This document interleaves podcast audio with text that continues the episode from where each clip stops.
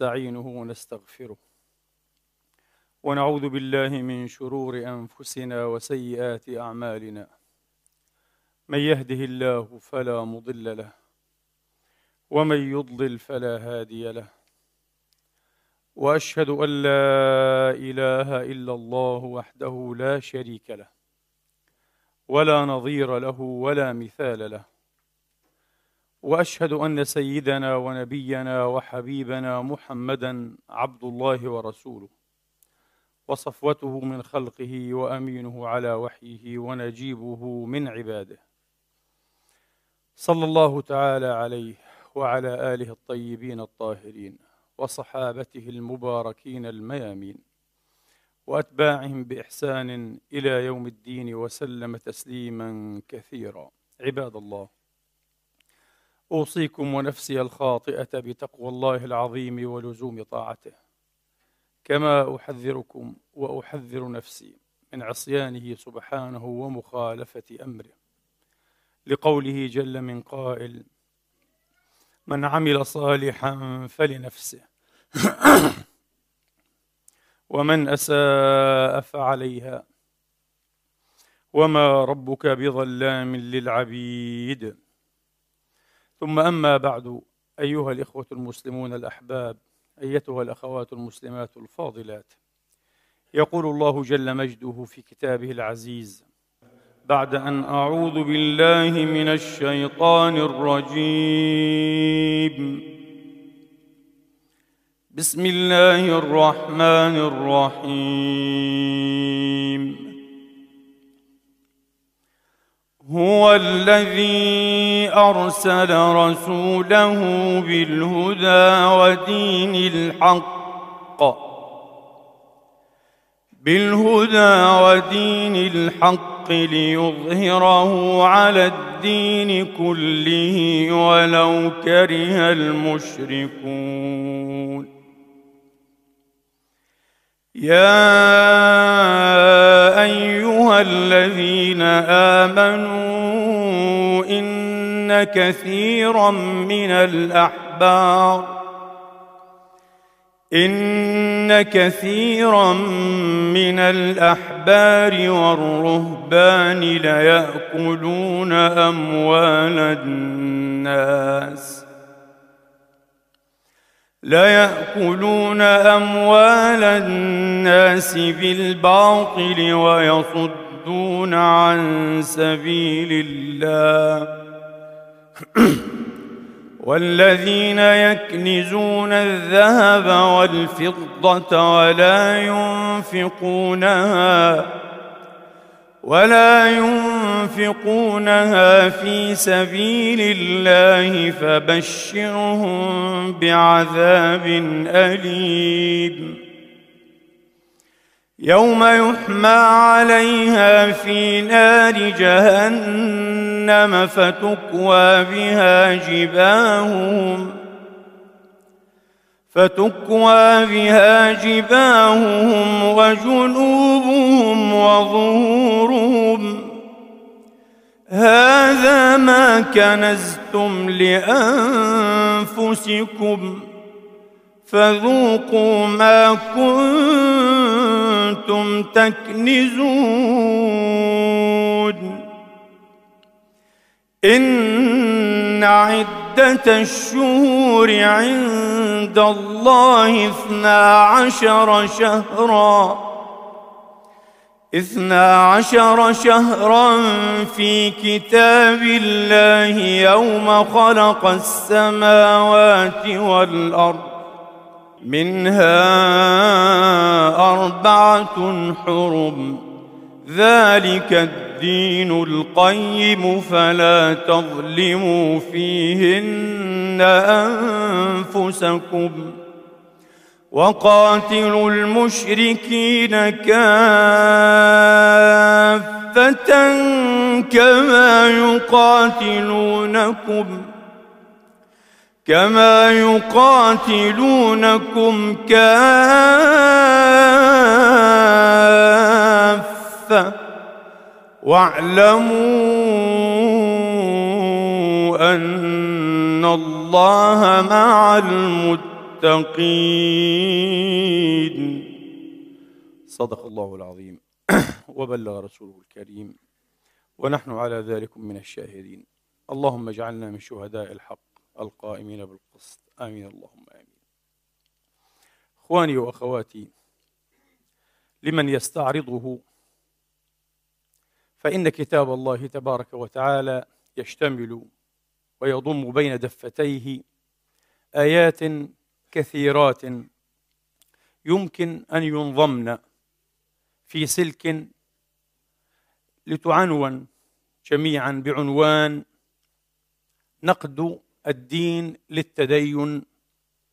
وإن أضفتم التدين العليل أو التدين المعلول أو المغشوش على طريقة شيخنا محمد الغزالي رحمه الله تعالى كان أفضل وهو باب لا يعبأ به كثير من الناس ولا يلتفت إليه أكثر العوام ويداوره ويخاتله لا أقول أكثر لكن بعض العلماء والدعاء.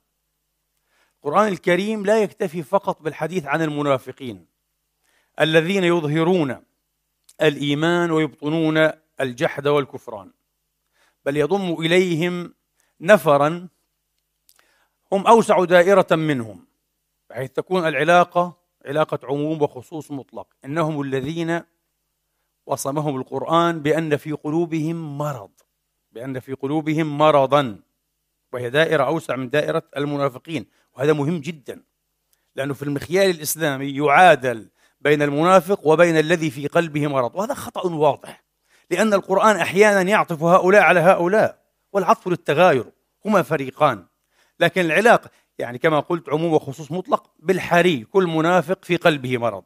لكن ليس كل من في قلبه مرض منافقا. هذا مهم هذا يحتاج إلى خطب ربما بحيالها لنعيد النظر في تفسير هذه الآيات المهمة. ثم إنه من وراء ذلك أو من بعد ذلك يحدثنا عن أهل الرياء عن الذين يراءون بصالح أعمالهم. هذا أيضا سمة ووصمة تصم التدين المغشوش التدين العليل. كما أنه يحدثنا عن أصحاب الدعاوى الطويلة العريضة الذين يتهددون أيها الإخوة بفعل الصالحات وفي رأسها الجهاد مثلا في سبيل الله. فإذا ما أدخلوا التون أو فرن الامتحان رسبوا لأول وهلة. مباشرة القرآن يحذرنا من هؤلاء أيضا ويذكر نبذا مما يتعلق بشأنهم أو بشؤونهم وما جرياتهم ألم تر إلى الذين قيل لهم كفوا أيديكم وأقيموا الصلاة وآتوا الزكاة فلما كتب عليهم القتال إلى آخر الآية الكريمة.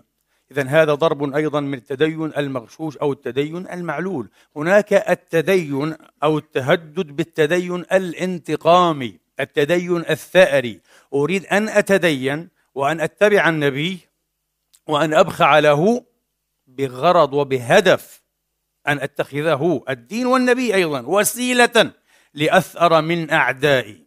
فإن لم يتيسر ذلك فلا حاجة لي بالإيمان. تدين مغشوش تدين مغشوش. تدين الذين يفككون بين الإيمان والعمل. المعضلة الرئيسة بين البروتستانت والكاثوليك. آه. بماذا ينجو الإنسان؟ بالنعمة؟ آه، أم بالنعمة والعمل؟ معروف. آه، هذا الذي شق إيه؟ المسيحية إلى بروتستانت معارضين ثائرين وإلى كاثوليك أيها الإخوة. لا القرآن واضح جدا. لا يكاد يذكر الإيمان إلا فيما ندر في موضع أو مورد إلا عطف عليه عمل الصالحات. آه، فالقرآن نهجه ومهيعه واضح متسع لاحب واضح متسع لاحب. الذين يفككون بين الإيمان والعمل اكتفاء بزعمهم بالإيمان الذي يوشك أن يكون إيمان لسان أيضا يقولون بأفواههم ما ليس في قلوبهم ويوشكون به أن يلتحقوا بمعسكر المنافقين والعياذ بالله تبارك وتعالى. إنما يكتفون بأقوال لا تحققها ولا تسندها ولا تبرهنها أعمال. وكما تعلمون كلمة المقت والتي تعني أشد الكره والبغض لم ترد في الكتاب العزيز إلا في مواضع أربعة. منها موضع معروف للكافة. العامة يعرفون هذه الآية. لما تقولون ما لا تفعلون؟ لما لا تبرهنون؟ أقوالكم بأفعالكم. دعاواكم بأعمالكم كبر مقتا. كبر مقتا. عند الله أن تقولوا ما لا تفعلون. يأمرون بالمعروف ولا يأتونه وينهون عن المنكر ويأتونه والعياذ بالله. هؤلاء من أوائل من تسعر بهم نار جهنم يوم القيامة. على كل حال لا نريد أن نستقصي الموارد التي أشارت إلى الإيمان المغشوش أو التدين العليل. هناك أيضا تدين من يعبد الله تجريبا واختبارا. داخل في متاجرة مع الله. صفقات يعمل ديلز مع الله هو. ولذلك يعبد الله على حرف. فإن أصابه خير اطمأن به وإن أصابته فتنة انقلب على وجهه. قال تعالى خسر الدنيا والآخرة. خسر الدنيا والآخرة. كيف خسر الدنيا؟ طيب وهو يتاجر يتاجر بأقدس المقدسات. خسر كل ثمرات الإيمان. هذه الآية تشير من طرف خفي إلى ثمرات الإيمان وهي من أروع ما يمكن أن ينتجه الإيمان ولا يمكن لغير الإيمان أن ينتجه. أقول هذا أيها الإخوة على بداهته وأذكر به للأسف لأننا صرنا الآن نقرأ ما تواتر لمفكرين إسلاميين ودعاة إصلاح إسلاميين بلغ بهم رد الفعل والعياذ بالله تبارك وتعالى إلى حد يريدون معه أن يقوضوا أركان الإيمان نفسها بدعوى إصلاح الإيمان والتدين. هذه كارثة. هذه داهية ما لها من واهية. فتقرأ لبعضهم أن الإيمان الحق هو الإيمان بالإنسان. توفية حقوقه. توفير حرماته مراعاة حرياته. كل هذا مطلوب. لكن هل هذا هو الإيمان الشرعي والإيمان الحق؟ بحيث بحيث. من تحقق به فهو المؤمن؟ يقول هذا الكاتب المصلح الإسلامي للأسف الشديد وإن كفر بالله. منتهى التخبط. منتهى لعب إبليس بهؤلاء الناس. هذا تلاعب هذا من تلبيس إبليس والعياذ بالله. بالعكس نحن نرى يا إخواني وأخواتي أنه بغير التحقق بالإيمان بالله لكن بين مزدوجين. ليس بالضرورة على طريقة الأحبار والرهبان والشيوخ. أنا أضفت الشيوخ طبعا. لأن القرآن لماذا يقول يا أيها الذين آمنوا؟ لماذا؟ كان يمكن أن يرسلها إرسال مسلمة إرسال مقررة فيقول هكذا. نقطة. إن كثيرا من الأحبار والرهبان. لماذا صدر الآية بقوله يا أيها الذين آمنوا؟ تعليما وتبصيرا وتحذيرا. أيها الإخوة كأنه يقول حذاري حذاري من أن تسلكوا مسلكهم وتأخذوا بطريقتهم وتتخيلوها حذاري. وبالفعل هذا ما حصل وهذا ما أكد عليه النبي وحذر منه. لا تتبعن سنن من كان قبلكم. حذو القذة بالقذة. إلى آخر الحديث قال يا رسول الله من؟ اليهود والنصارى؟ قال فمن؟ طبعا اليهود والنصارى. كما فعلوا ستفعلون. كما اعتل إيمانهم وتدينهم. طبعا انتبه ليسوا جميعا. القرآن يقول إن كثيرا لكن هذا لافت جدا أيضا. إن كثيرا. لم يقل إن من الأحبار والرهبان وإن بعضهم. قال إن كثيرا. في تأشيرة واضحة جدا على كونها ماذا؟ ظاهرة. هذه ظاهرة ظاهرة الاعتلال الديني. ظاهرة الاعتلال والمرض الديني. يمكن أن تستشري وتتفشى بحيث تغدو أو تعود ظاهرة والعياذ بالله تبارك وتعالى. وهذا ما تعطيه كلمة كثيرا. إن كثيرا من الأحبار والأحبار أهل العلم يا إخواني. والرهب القرآن القرآن رائع جدا.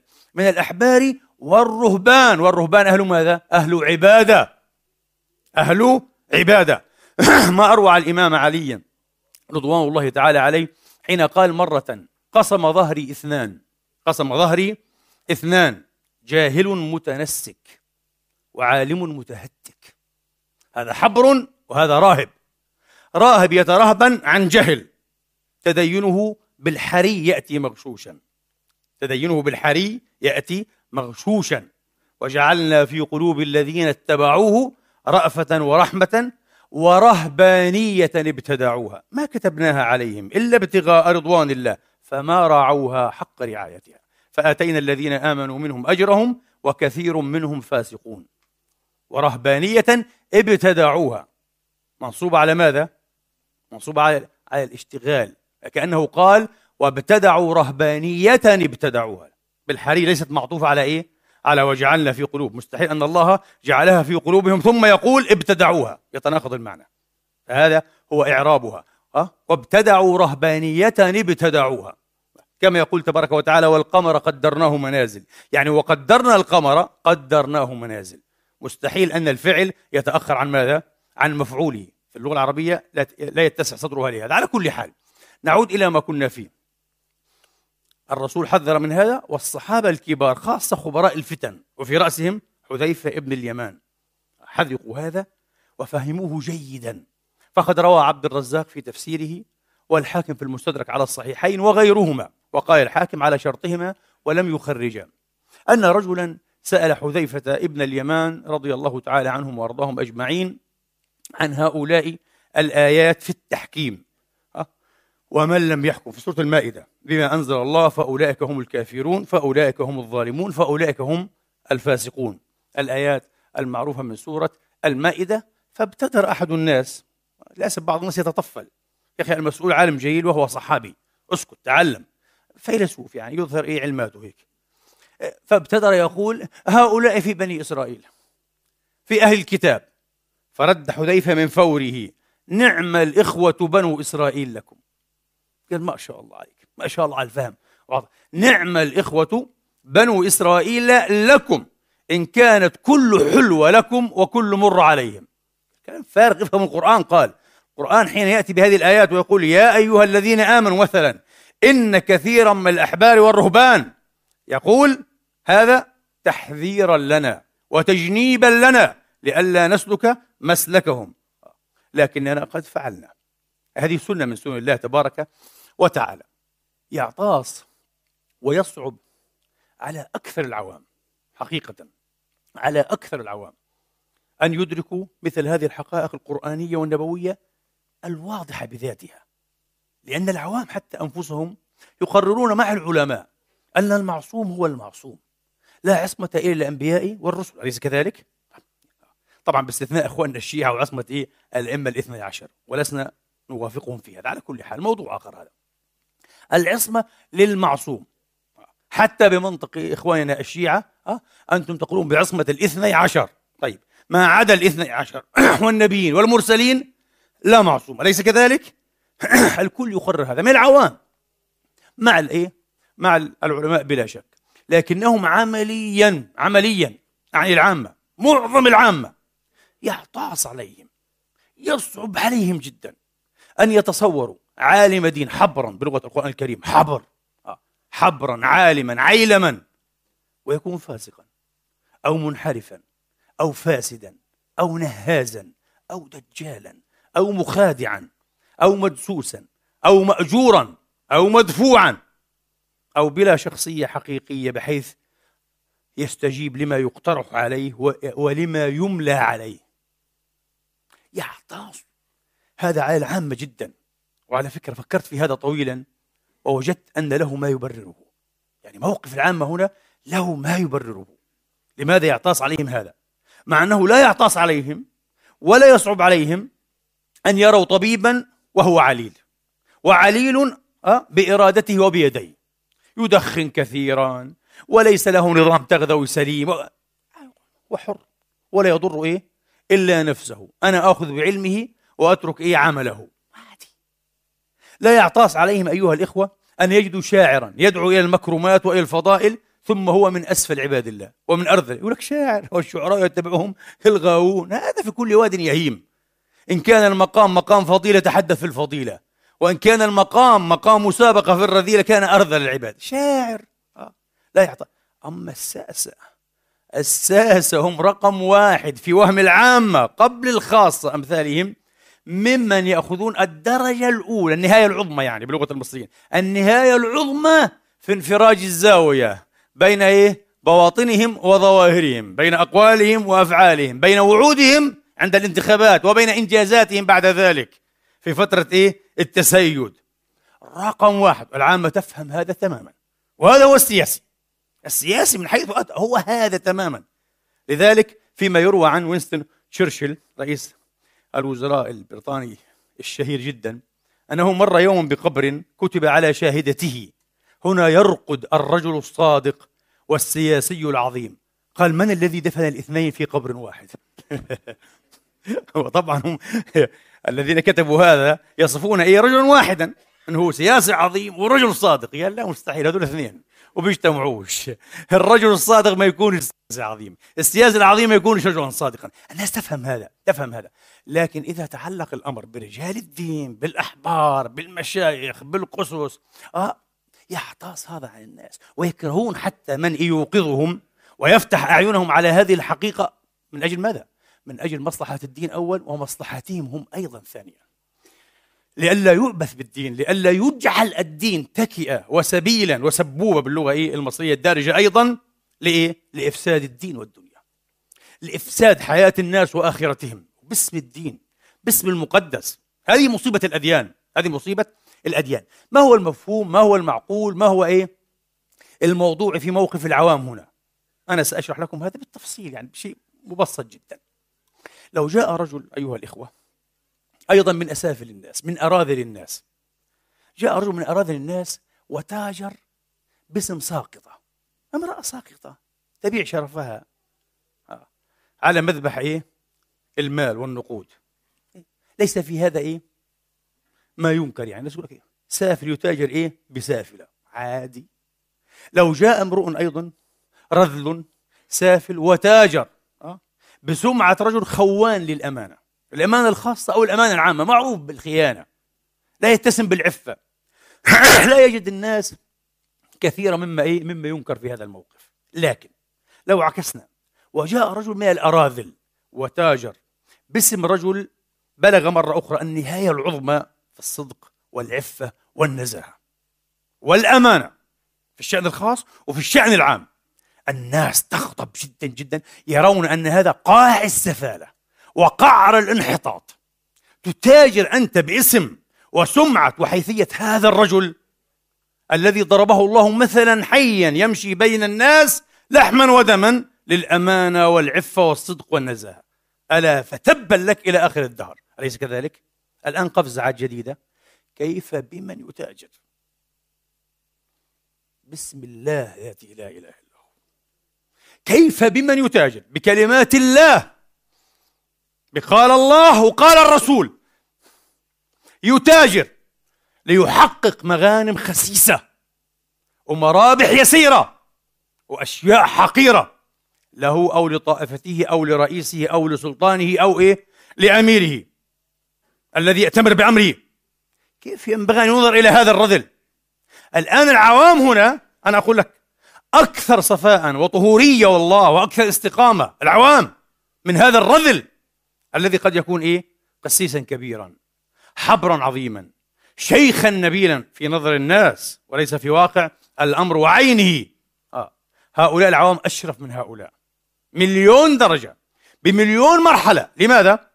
لأن العوام إن اتسعت نفوسهم وأعطانهم للمتاجرة كما قلت لكم بالسافل والنبيل من الناس إلى حد ما على أنهم ينكرون لا يمكن أن يتصوروا أن يبلغ الأمر برجل يمثل الدين ويتكلم باسم الدين ويستفتى في الدين أن يتاجر بأقدس المقدسات. المشكلة يا إخواني أيضا أن هناك وهما خطر لي أن أسميه يعني مصطلح هكذا سككته من لدني. آه، أن أسميه ظاهرة أو أمرا خطر لي أن أسميه أو أن أدعوه بوهم العلاقة أو وهم حتى المجاورة. إيش وهم العلاقة؟ الناس ينظرون إلى الرجل. فإذا رأوه مثلا ملتزما بعالم كبير حتى السواق تبعه هو سواق هذا العالم بوديه بيجيبه. ربما ربما وقع في وهم أن هذا السائق له مزية خاصة. كونه ماذا؟ مجاورا معتلقا بهذا العالم الجليل. عاد عليه ببركاته وبأنواره كما يقولون. اللهم أعد علينا من بركاتهم. والعامة تقول من جاور السعيد يسعد. ومن صحيح.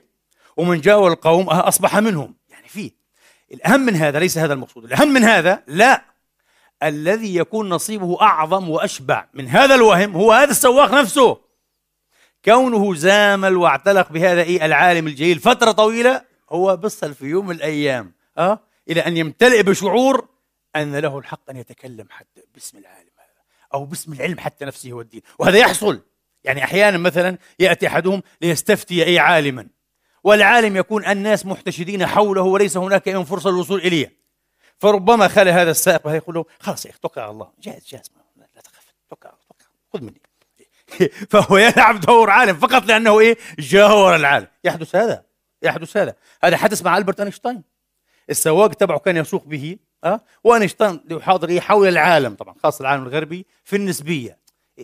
هذا يعني اغتاله وهم أنه يستطيع أن يحاضر أن يكون أينشتاين وفعل هذا استأذن أينشتاين والقصة يعني معروفة حكيتها لكم قبل هذا هذا الوهم خطير جدا جدا جدا لماذا؟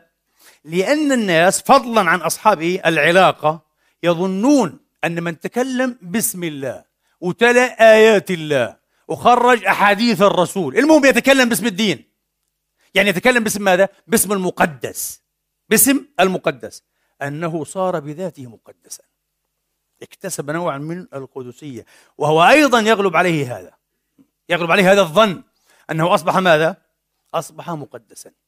الذي أوحى إلي بهذه الفكرة حدث أيها الإخوة في الظاهر يسير يعني ربما لم يمتد أكثر من خمس دقائق. حوار بيني وبين شيخ معمم شيخ فاضل من أهل العلم ومن أهل التصوف. هذا الذي هزني هذا الذي صدمني هذا الذي شلني لدقائق أيها الإخوة ثم طال بي الأمر حتى فككت هذه الحالة. يعني أنا أفهم أن مسلما أو إسلاميا أصوليا مؤدلجا ومؤدلجا أنه يستهين بالدماء. معروف. مثل كل أصحاب الأفكار الثورية يستهينون بالدماء يستهينون بالحياة. ما في توقير حقيقي للحياة. تماما كساسة. وطبعا الأدلوجة هذه والأدلجة هي طريق ماذا؟ طريق العبث السياسي هو هذا. أفهم هذا. حتى وإن كان إسلاميا أو غير إسلامي. أفهم هذا تماما. لكن الذي لم أفهمه أول الأمر بادئ الرأي أن يفوه بمثل هذا شيخ ذاكر بمصبح صوفي وعنده طريقة. يعني هذا الرجل زاهد في الدنيا مترفع عن مغانمها مترفع عن الشهرة عن السلطة عن السطوة عن المنفعة عن الحيثيات. أبدا رجل رباني. ما هذا؟ هذا التصوف وإلا أنت دجال كبير أيضا. وأنا لا أشعر أنه دجال أبدا الرجل. لكن الرجل يستهين جدا بالدماء. بالدماء. ذكر عبارة لن أذكرها هنا. يعني لا يمكن. لا شيء هزدني الرجل يستهين بمئات الألوف. عادي. خلهم يقتلوا. في سبيل الهدف. في ما هذا فكرت طويلا أيها الإخوة. وجدت أن هذا الإسلامي الأصولي المؤدلج يلتقي بهذا الصوفي. المتحنث الذاكر.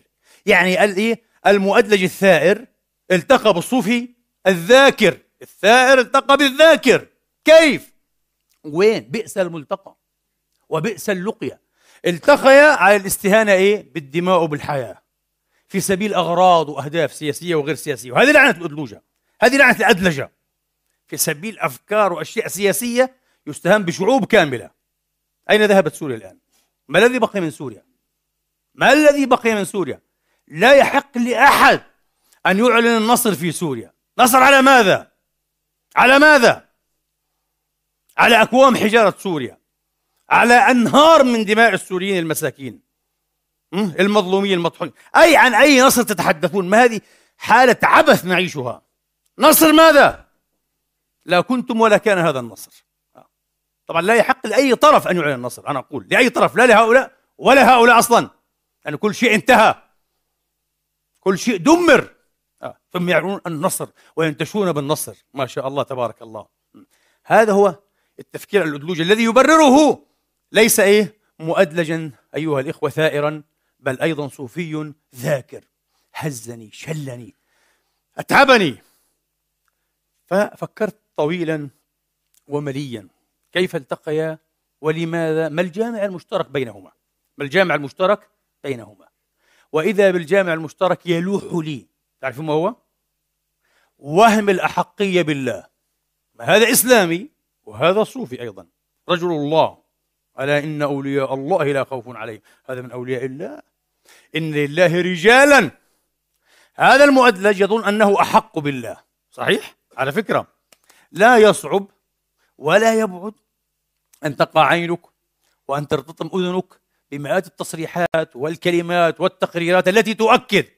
آه، من حزب مؤدلج أيها الإخوة أننا خير من يمثل الإسلام. وتعادل مباشرة أننا خير من يتكلم باسم السماء بسم الله. نحن الأحق بالله. خلينا نقولها بصراحة هكذا. نحن الأحق بالله. سئل أحد كبار العلماء من هؤلاء المؤدلجين الأصوليين. هل الذين ليسوا في إيه؟ في حزبكم. هل هم من المسلمين؟ كيف تنظر إليهم؟ وكانت جلسة خاصة وحميمة فقط بين أبناء الحزب. فنظر هكذا يعني ليس بيننا غريب ليس بيننا غريب. كلنا حزبيون. كلنا في الحزب إيه؟ سواء واحد. قال في الحقيقة بلا شك هم مسلمون. ولكن هناك شك في إيمانهم. إن لم تكن في حزبهم منظما تنظيما إيه؟ رسميا. أنت مطعون مغموز قناة الإيمان. مسلم يعني ها هو أنعم عليك بلقب إيه؟ إسلام. على فكرة الذي ينظر إليك وإلي وإلي وإليها بهذه الطريقة هل يتحرج طويلا وكثيرا عن دمك؟ حين يحصل اختصام واصطدام؟ أبدا من هنا التساهل. فوجدت الذي يجمع هذا المؤدلج الثائر بهذا الصوفي الذاكر هو ماذا؟ وهم الأحقية بالله. ليه؟ على أي أساس؟ لو عيرناه قرآنيا ما في. لا على أساس على أساس أيها الإخوة كما قلت لكم أنه فقط يتكلم كثيرا باسم السماء. هذا عامل حاله إنه مشروع حياته وإنه الهدف إنه هو الإسلام وإقامة الإسلام ودولة الإسلام ودين الإسلام وشرع الإسلام. كلام استهلاك كلامي. على أنك لو فحصته لو فحصته وعيرته بأخلاق الإسلام التي تعبر عن ماذا؟ عن عمق الإيمان. طبعا. صدق الأخلاق مباشرة يعبر عن ماذا؟ عن عمق الإيمان في النفس. كذب الأخلاق هشاشة الأخلاق. يعني هل يمكن أن تؤمن بأن إيمان الذي يخون الأمانة ويتغولها إيمان عميق؟ مستحيل تقول لي مستحيل أي إيمان؟ هذا إيمان على السطح إيمان طافي وعمق واحد مليمتر فقط. صحيح؟ عير هؤلاء بأخلاق الإسلام. ترى العجب. طبعا لا اتحدث عن الكل انتبه. لا نعمم التعميم خطيئة. لا نتحدث عن الكل قطعا قطعا يعني. في كل طائفة وفي كل كذا هناك الصالحون وهناك الصادقون وهناك المنيرون المضيئون بلا شك. لكن نتحدث عن ظاهرة. كما تحدث الله إن كثيرا من الأحبار والرهبان. على أن منهم إيه؟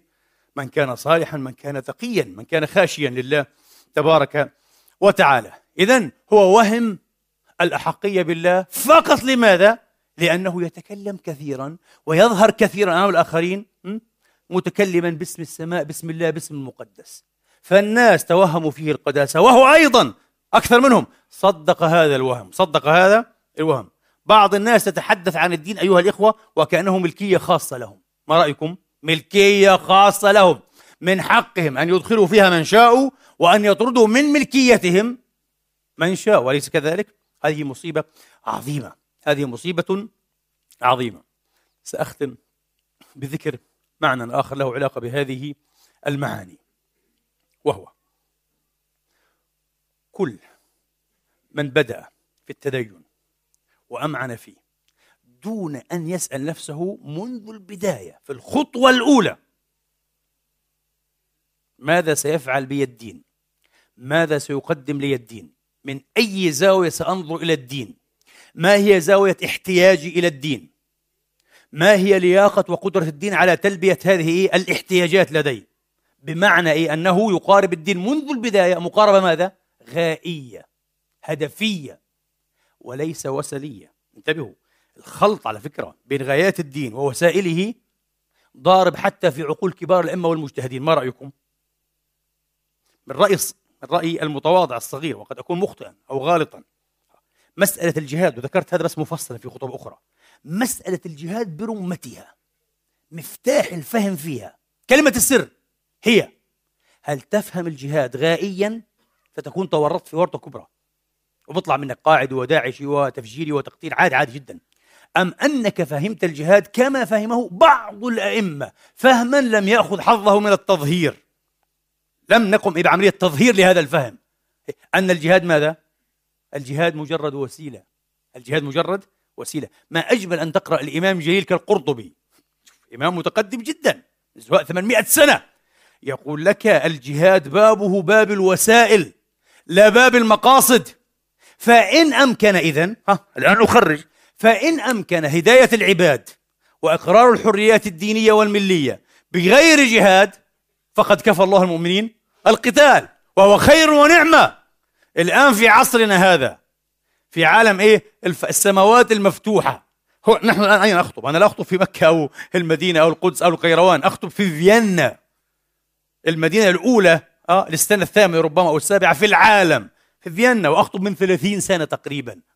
وذاك يخطب في برلين وذاك في لندن وهذا في باريس وهذا في نيويورك. أليس كذلك؟ مساجد ومراكز حريات موفورة دينيا تامة.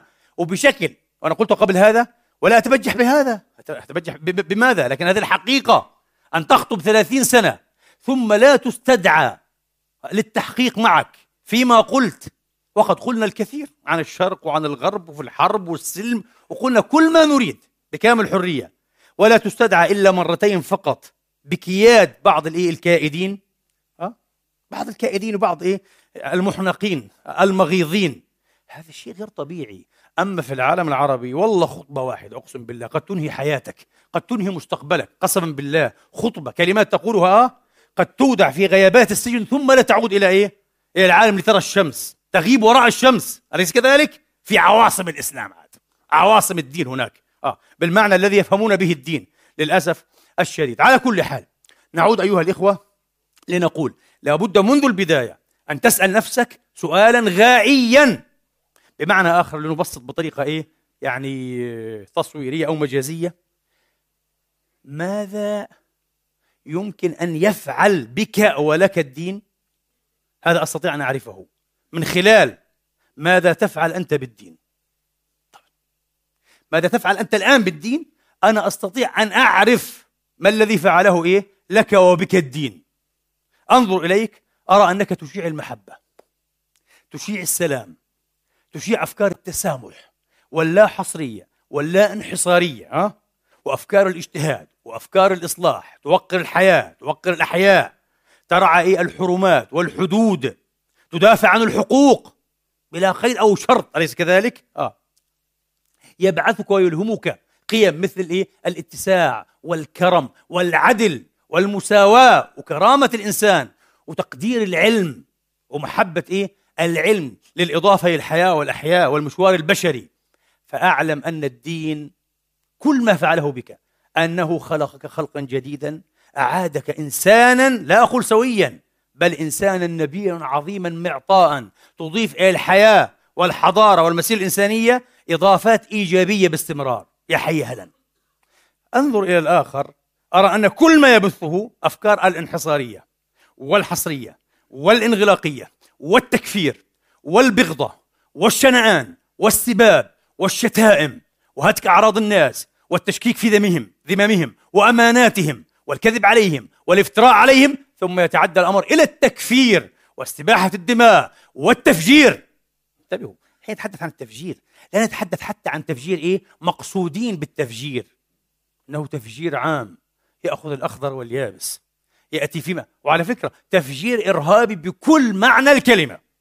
يأتي لكي يقتل أكبر عدد من الأبرياء من الشيوخ والنساء والكبار والصغار. ما لهم مش علاقة؟ فقط لكي يضغط سياسيا. لكي ينجز ويحقق أهداف سياسية على طريق إيه؟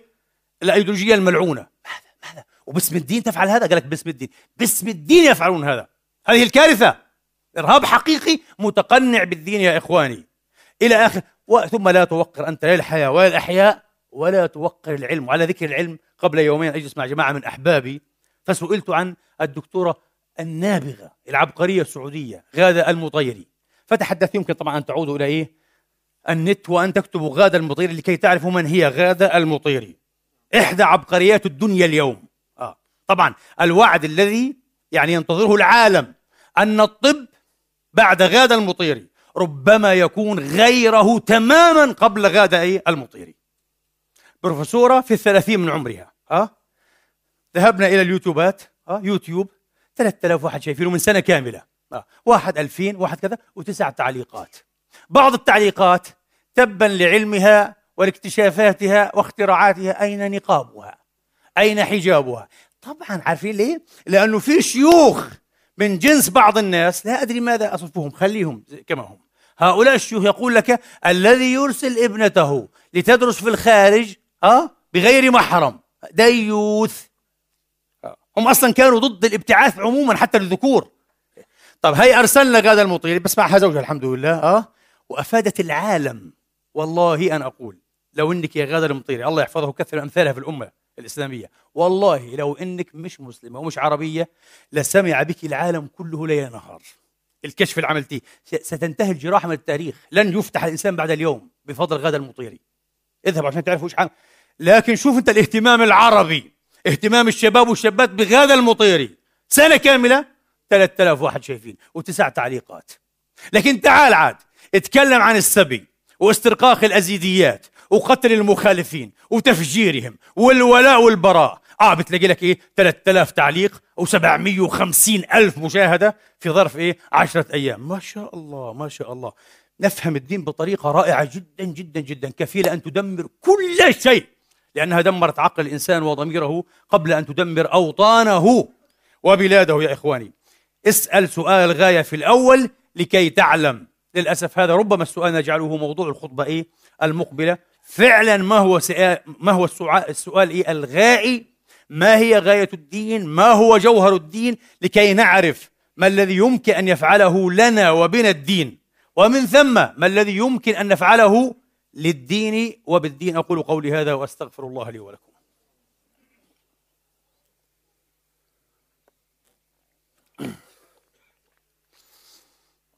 الحمد لله الحمد لله الذي يقبل التوبة عن عباده ويعفو عن السيئات ويعلم ما تفعلون ويستجيب الذين آمنوا وعملوا الصالحات ويزيدهم من فضله. والكافرون لهم عذاب شديد وأشهد أن لا إله إلا الله وحده لا شريك له. وأشهد أن محمدا عبده ورسوله صلى الله تعالى عليه وعلى آله وأصحابه وسلم تسليما كثيرا. اللهم اهدنا فيمن هديت وعافنا فيمن عافيت وتولنا فيمن توليت. اللهم أصلحنا بما أصلحت به عبادك الصالحين. لا تدع لنا في هذا اليوم الكريم في هذه الساعة المباركة ذنبا إلا غفرته ولا هما إلا فرجته ولا كربا إلا نفسته ولا مريضا إلا شفيته ولا ميتا إلا رحمته ولا غائبا إلا رددته ولا سجينا إلا أطلقته. برحمتك يا أرحم الراحمين. ولا مدينا إلا قضيت عنه دينه وأذهبت همه وغمه وحزنه. برحمتك يا أرحم الراحمين. اغفر لنا ولوالدينا وارحمهم كما ربونا صغارا. اجزهم بالحسنات إحسانا وبالسيئات مغفرة ورضوانا. واغفر اللهم للمسلمين والمسلمات المؤمنين والمؤمنات الأحياء منهم والأموات بفضلك ورحمتك إنك سميع قريب مجيب الدعوات. عباد الله إن الله يأمر بالعدل والإحسان وإيتاء ذي القربى وينهى عن الفحشاء والمنكر والبغي يعظكم لعلكم تذكرون. وأقم الصلاة. الله أكبر.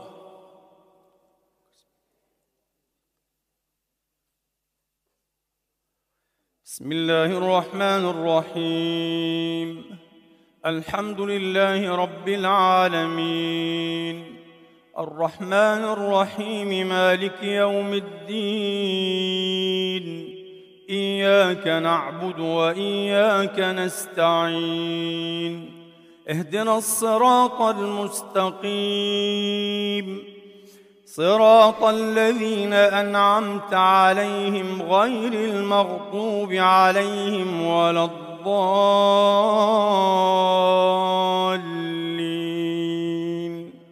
آمين.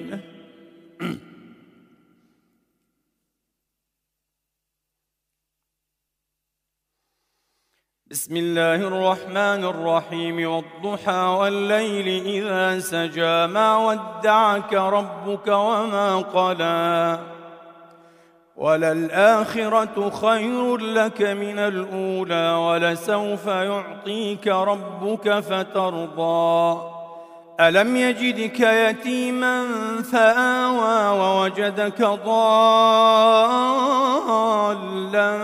فهذا ووجدك عائلا فأغنى. فأما اليتيم فلا تقهر وأما السائل فلا تنهر. وأما بنعمة ربك فحدث. الله أكبر. الله أكبر. بسم الله الرحمن الرحيم. الحمد لله رب العالمين. الرحمن الرحيم. مالك يوم الدين. إياك نعبد وإياك نستعين. اهدنا الصراط المستقيم. صراط الذين أنعمت عليهم غير المغضوب عليهم ولا الضالين. آمين.